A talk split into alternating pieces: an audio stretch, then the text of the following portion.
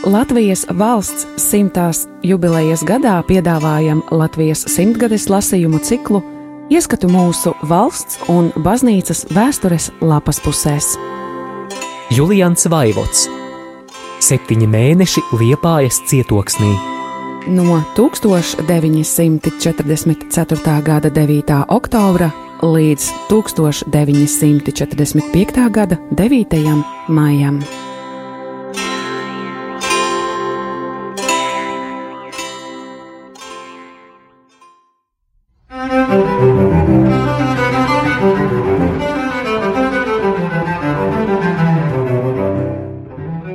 1945. gada 11. martā.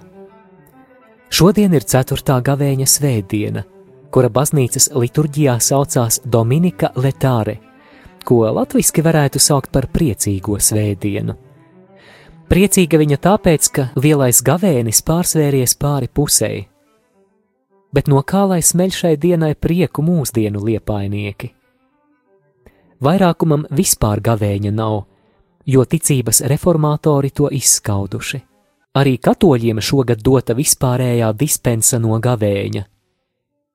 Faktiski tomēr visi bez izņēmuma gavē stingrāk nekā gavēņa likumi to paredz.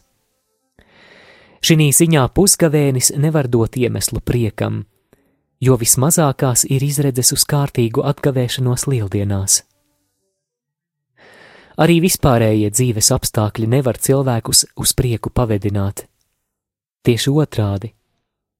Pēc vakardienas apšaudīšanas, kura pilsētā ir nodarījusi postījumus, cilvēki jūtas vēl nospiestāki, jo tas liecina par jauna veida briesmām, kādas tuvākā vai tālākā nākotnē liepājai draud. Zinātāji stāsta, ka izmantojot vējputeni, Krievu lielgabalu laivas esot piebraukušas liepājai šāviena attālumā un to apšaudījušas. Arī baznīcas tuvumā kādi šāvieni ir krituši, viens tirgoņu un otrs Ludviķa ielā. Tāpēc šodien pēcpusdienā, kad atkal sākās šaušana, kaut gan netik intensīva kā vakar, cilvēki gaidīja vissliktāko. Ko nu tādos apstākļos runāt par prieku, kādu to cilvēki parasti iedomājas? Drīzāk jāpievēršas citam priekam, par ko stāsta kāda orientāliešu leģenda. Kāds filozofs vārdā Sādi nodomājis sameklēt pasaulē īstu prieku un laimi, jo savā zemē tādu nesot atradis. Viņš veselus 50 gadus ceļojis pa pasauli, bijis dažādu zemju valdnieku pilīs un nabagu būdās, apmeklējis slavenos zinātniekus, māksliniekus, dzēniekus un rakstniekus, un visur vērīgi meklējis pēc īsti laimīga cilvēka un mājas. Visur tomēr sastapies ar ciešanām, asarām un skumjām. Tāpēc arī nekur neatradis īsti laimīga cilvēka beigās noguris no veltes meklēšanas un pazaudējis cerību meklējumu atrast, laidies atpakaļ uz savu dzimteni. Atceļā uzgājis kādu skaistu templi, uz kura frontona izlasījis uzrakstu. Šeit neatskan raudas, te negrauž sāpes, šeit dzīvo laime un sirds atpūšas mierā. Ceļinieka sirds iedrebējās priekā, ka tomēr ir atradis meklēto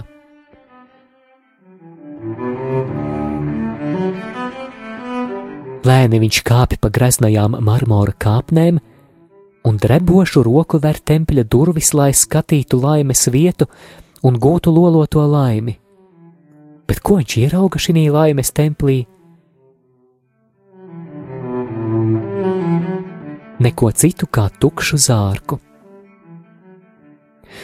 Laikam tāds pats laimes meklētājs bija beigās pārliecinājies par pastāvīgas laimes neiespējamību virs zemes un nācis pie slēdziena, ka tikai zārks var dot īstu sirdsmieru, un reizē ar to arī laimi, un šim zārkam uzbūvējis lepno templi, kurā to pašu pamācību varētu gūt citi laimes meklētāji.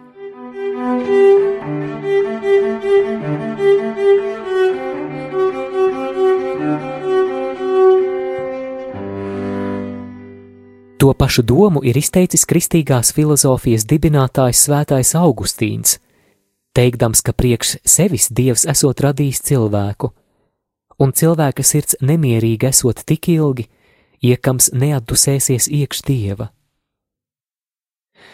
Tādā nozīmē prieks dažam labam liepainiekam ir varbūt tuvāk nekā viņš pats domā, bet kuram, kas to lai pateic? Varbūt pirmā būs tā slimā vecīte, pie kuras nu pat biju un kura, ne vārdu vairs nevarēdama izteikt, it kā no viņas pasaules vienaldzīgi skatījās uz sava dzīvokļa nabadzīgo iekārtu. Bet varbūt arī kāds, kas ir pie vislabākās veselības. Arī tas, piemēram, kuram vakar Langes namā granāta atšķēla pusi galvas, vēl minūti pirms tam nedomāja, ka tik ātri aizies mūžīgā mierā. Tūkstoš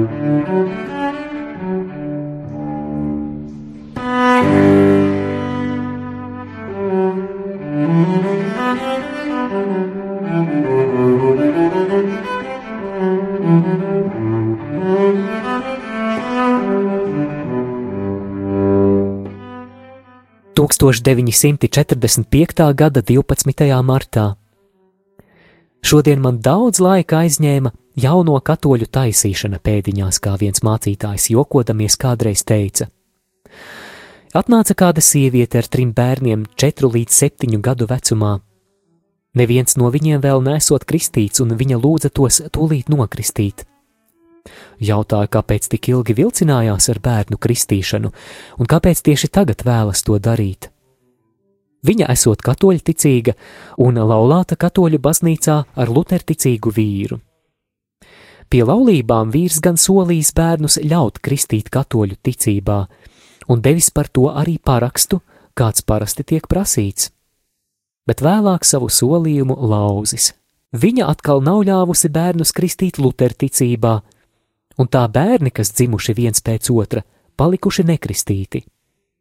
Viens pat jau esot miris.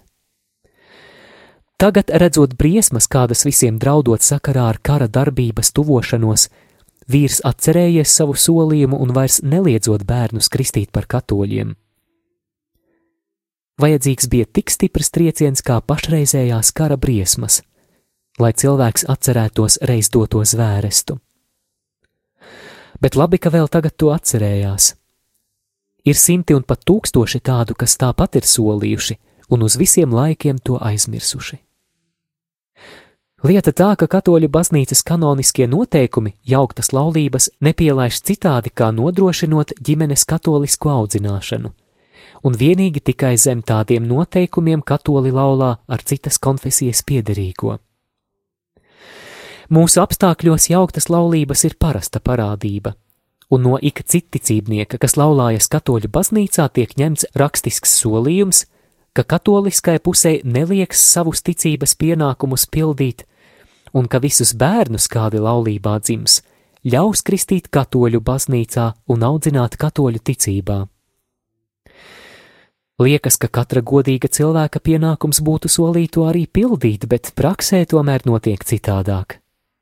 Te sākas ģimenes nesaskaņas, jo viens no laulātajiem jūtas pievilts. Ja vienu daļu dotā solījuma cilvēks ir lauzis vai vispār nopietni nav solījis, kā lai viņam tic, ka tas solīto uzticību līdz pat nāvei pildīs? Daži nekatoļu vīri nodara savām katoļticīgām sievām vēl lielāku pārestību, jo neļauj pat iet savā baznīcā un pildīt savas ticības pienākumus. Ir gadījumi, kur tādas sievas zakšus var tikai darbdienās pieiet pie dievgalda, un to dara ar lielām bailēm, ka tik vīrs nedabūtu zināt, jo citādi viņš mani nositīs, raudādama teica tāda sieva. Vai tādos apstākļos vispār var iedomāt saskaņotu laulības dzīvi ģimenē?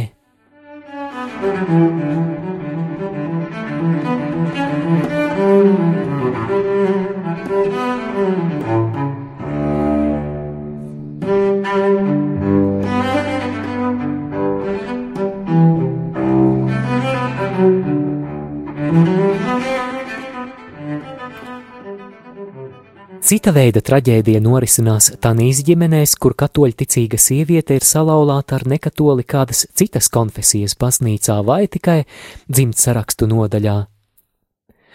Bez katoliskās laulības katolis nevar iet pie svētiem sakramentiem, un tādai katoļticīgai bez tiem mūžu nodzīvot nav viegli. Lai viņa tiktu pieņemta pie dievgalda, vajadzīga solījumu atjaunošana katoļu baznīcā, bet vīrs par to negrib nedzirdēt. Tāda sieva visu mūžu lāt to brīdi, kad viņa ir saistījusies ar vīru, un daža pat gaida vīra nāvi kā atpestīšanu, jo viņa vismaz dzīves beigās vēl grib pēc savas ticības pienākumiem padzīvot un kā īsta katole nomirt. Vai var iedomāties lielāku egoismu kā tāda vīra izturēšanos? Pats viņš ar savas ticības pienākumiem ir kārtībā, ja tie viņu vispār interesē, bet savai laulātai sievai nedod iespēju tos pildīt. Man liekas, ka tādi vīri līdzinās tam muļķim, kurš uz zara sēdēdams to zāģē nost. Cik labvēlības vispār vīrs var sagaidīt no sievas, kuru viņš ir aizvainojis visaugstākās ticības jūtās?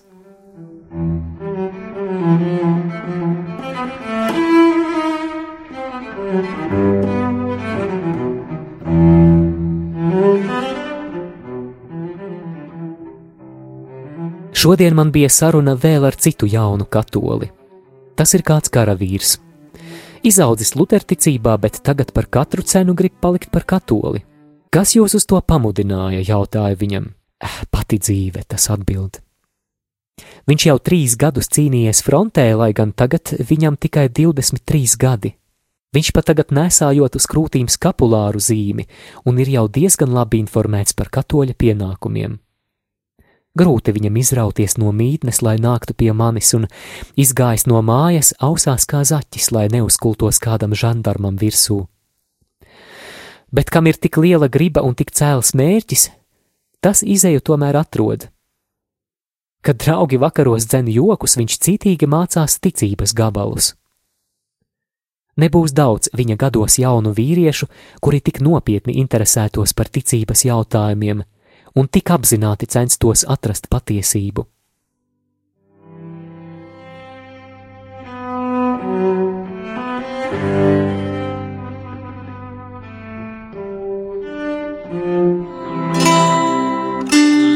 Radio Marija Latvija ēterā Latvijas simtgadēji veltīti lasījumi.